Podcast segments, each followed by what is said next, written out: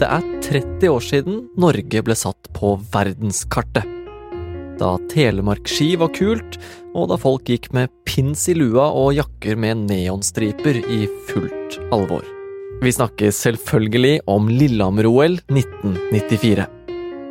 Kanskje var du der, kanskje var du ikke født, men uansett har du garantert et forhold til det. Etter flere tiår med kald krig hadde Berlinmuren falt, og fredsoptimismen var stor. Og da følte jeg at det jeg ville si til Lillehammer, det var Lillehammer på verdenskartet. Gratulerer med framtiden. Men 30 år senere virker den optimismen som et stadig fjernere ideal. This week marks the second anniversary of Russia's invasion of Ukraine. De israelske angrepene på Gazastripen har beveget seg fra nord til sør. I stedet har OL gått hånd i hånd med både storpolitikk og med krig. Du hører på Forklart fra Aftenposten, hvor vi tar for oss én nyhet i hver episode. I dag om OL-drømmen som brast. Det er torsdag 22. februar, og jeg heter David Vekoni. Har du feira 30-årsjubileum? Eh, nei, ikke, ikke, ordentlig. Det ble ikke noe av. Vi hadde et veldig kult 20-årsjubileum. Da hadde vi, vi hadde fakkelstafett over kampen. Og det her er Andreas Slettholm. Det har vært mye aktivitet på Lillehammer-OL-tråden min i de siste ukene, da. I 1994 var han ti år gammel og veldig OL-interessert. Jeg har en kompis som har den derre Swix eh, langrennsdressen. som går rundt med den, liksom. I byen? Nei, altså på, eh, når han går på ski og sånn, da. Nå er han kommentator her i Aftenposten, og er jo vanligvis med i Forklart for å snakke om flyktningpolitikk eller ruspolitikk eller annen politikk. Men er det én ting som virkelig opptar Andreas, så er det Lillehammer-OL. Ja, jeg, liksom, det er liksom mitt uh, Romerrike, da, på en måte. Eller sånn der, Jeg tenker jo sikkert på det flere ganger i uka, i hvert fall, liksom. Sånn, sånn alt i alt. Så det. Ja, det er bra. jeg tror at uh, Lillehammer-OL på mange måter representerte en slags sånn toppen av kransekaka for uh, Norges gjenoppbyggingen etter krigen, egentlig. Hvor uh, man på en måte hadde fått på plass veldig mye av det som skal til for å lage et uh, godt samfunn, men man mangla noe som var veldig sånn kult og ekstraordinært, og der kom OL på Lillehammer inn.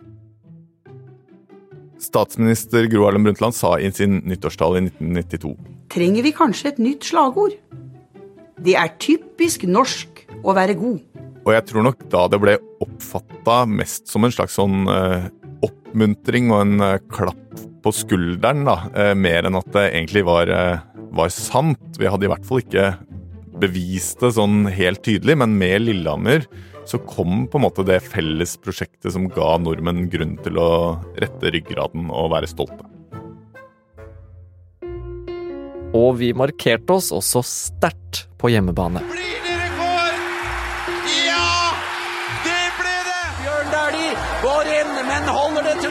olympisk gullmedalje? Det er spørsmålet! Han er olympisk mester! Med tre medaljer!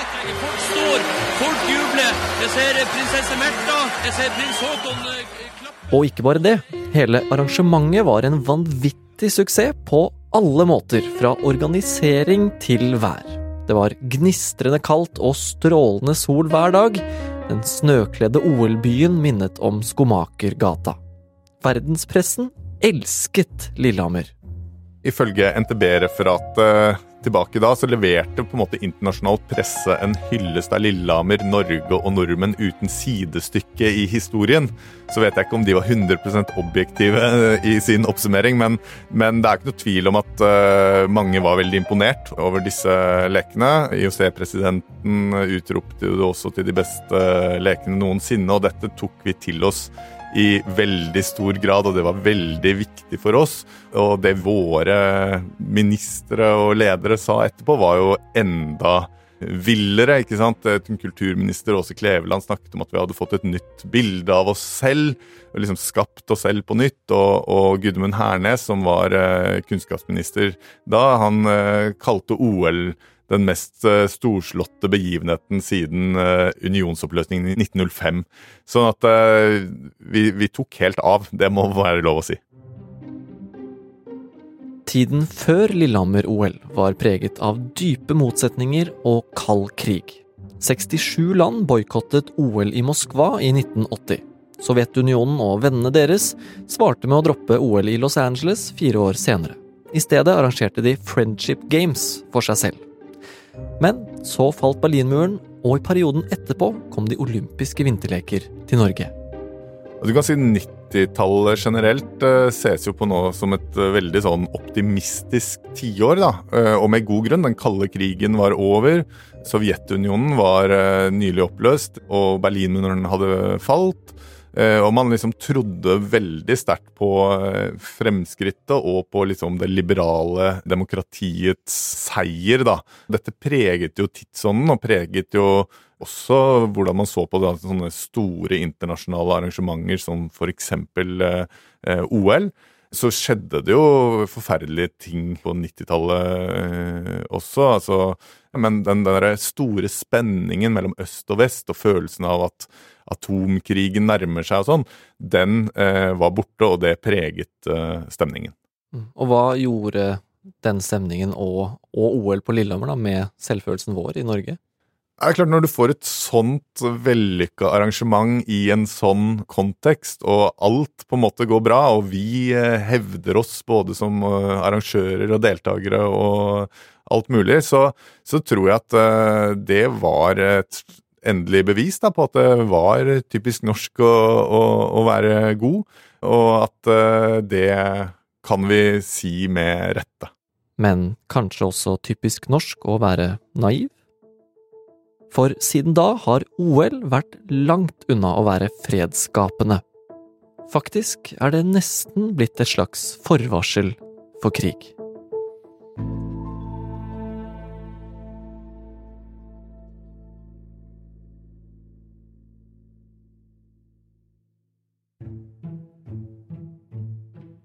Lillehammer-OL ble jo på mange måter et stort gjennombrudd for eh, norsk toppidrett.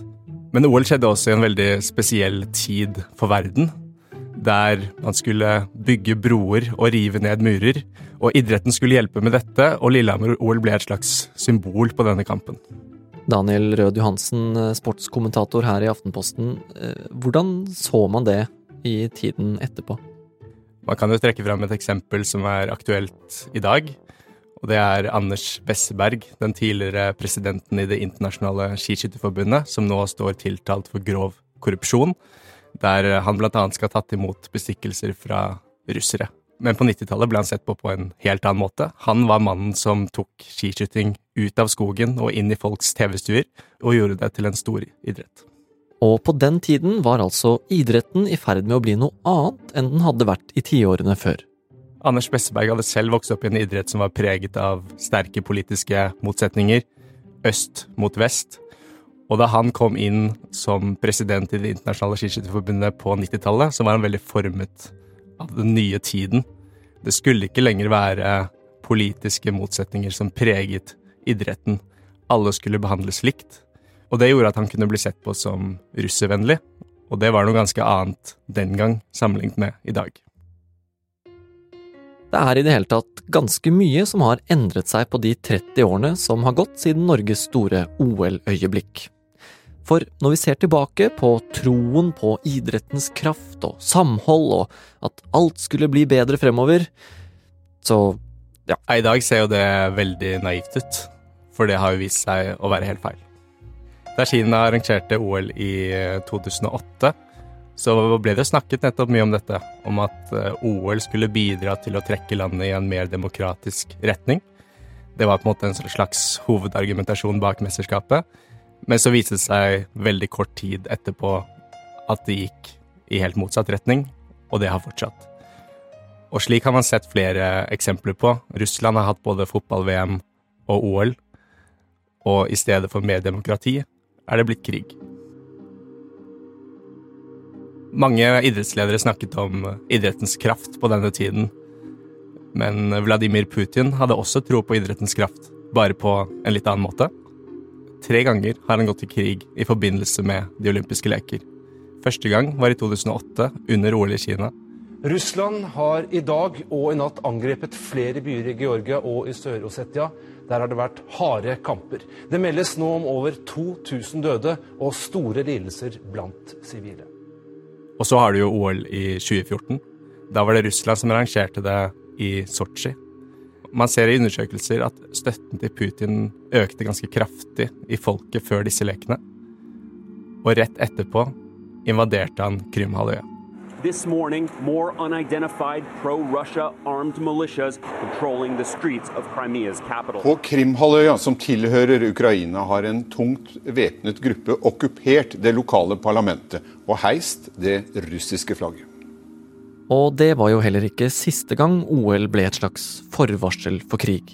OL i Beijing i 2022 startet med et viktig politisk møte.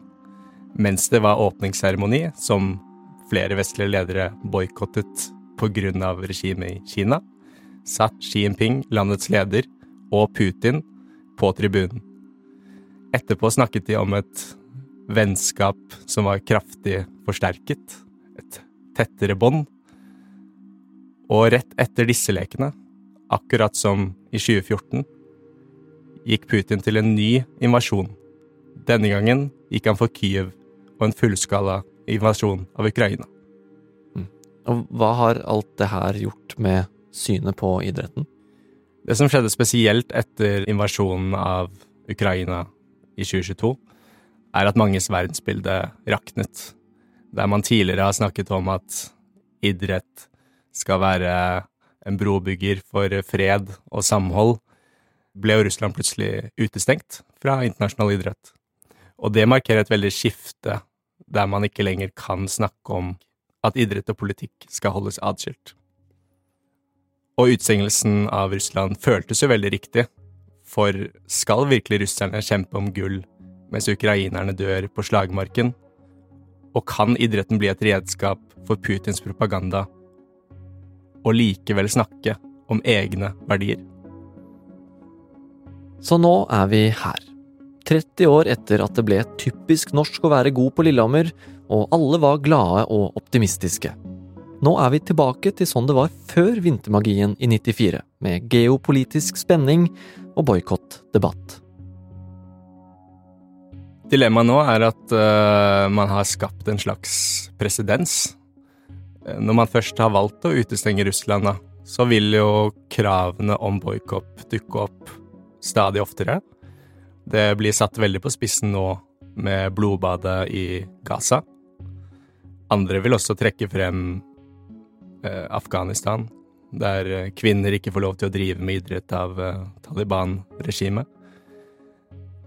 Og i en verden som blir stadig mer urolig, med geopolitiske spenninger som man ikke har sett siden tiden før Lillehammer-OL, så blir det et vanskelig landskap å navigere i for idrettslederne.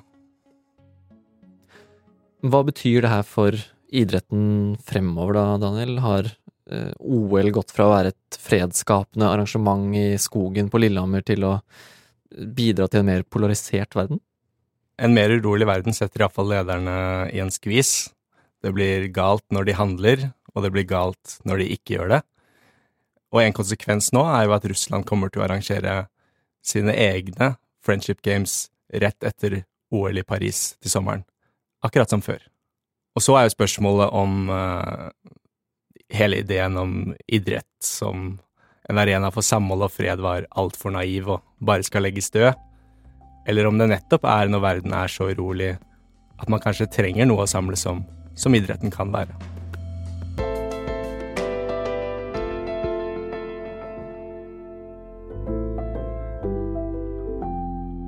Du har hørt en podkast fra Aftenposten. Det var Daniel Rød Johansen og Andreas Slettholm som tok deg gjennom de siste 30 årene med OL-optimisme og pessimisme. Kildene til lydklippene vi har brukt, finner du i episodebeskrivelsen. Episoden er laget av produsent Fride Næss Nonstad og meg, David Vekoni. Og resten av Forklart er Synne Søhol, Olav Eggesvik, Heidi Akselsen, Philip A. Johannesborg og Anders Weberg. I Poprådet denne uka har vi hatt besøk av Javad El Bakali. Men nå fremstår vi som mad usympatiske her, liksom. Men det er greit. Vi har snakket om kjedelig reality-TV. Og jeg bare syns det er skikkelig kjedelig. altså. Sorry, jeg trenger en Christian Bre Brennholt. J.Los surrealistisk-magiske odyssé. Du, du ser jo bare lamslått ut, Javad. Dette her høres jo ut Nei, altså, jeg har eh, Hæ? Og er det egentlig lov å cherrypicke hvilke terningkast man vil trekke frem? Han må jo få lov til å bestemme det sjøl. Jeg skjønner ikke at det er en sak engang. Skal man sette deg på plakaten terningkast to? Hør Poprådet i Aftenposten-appen eller hos Podme.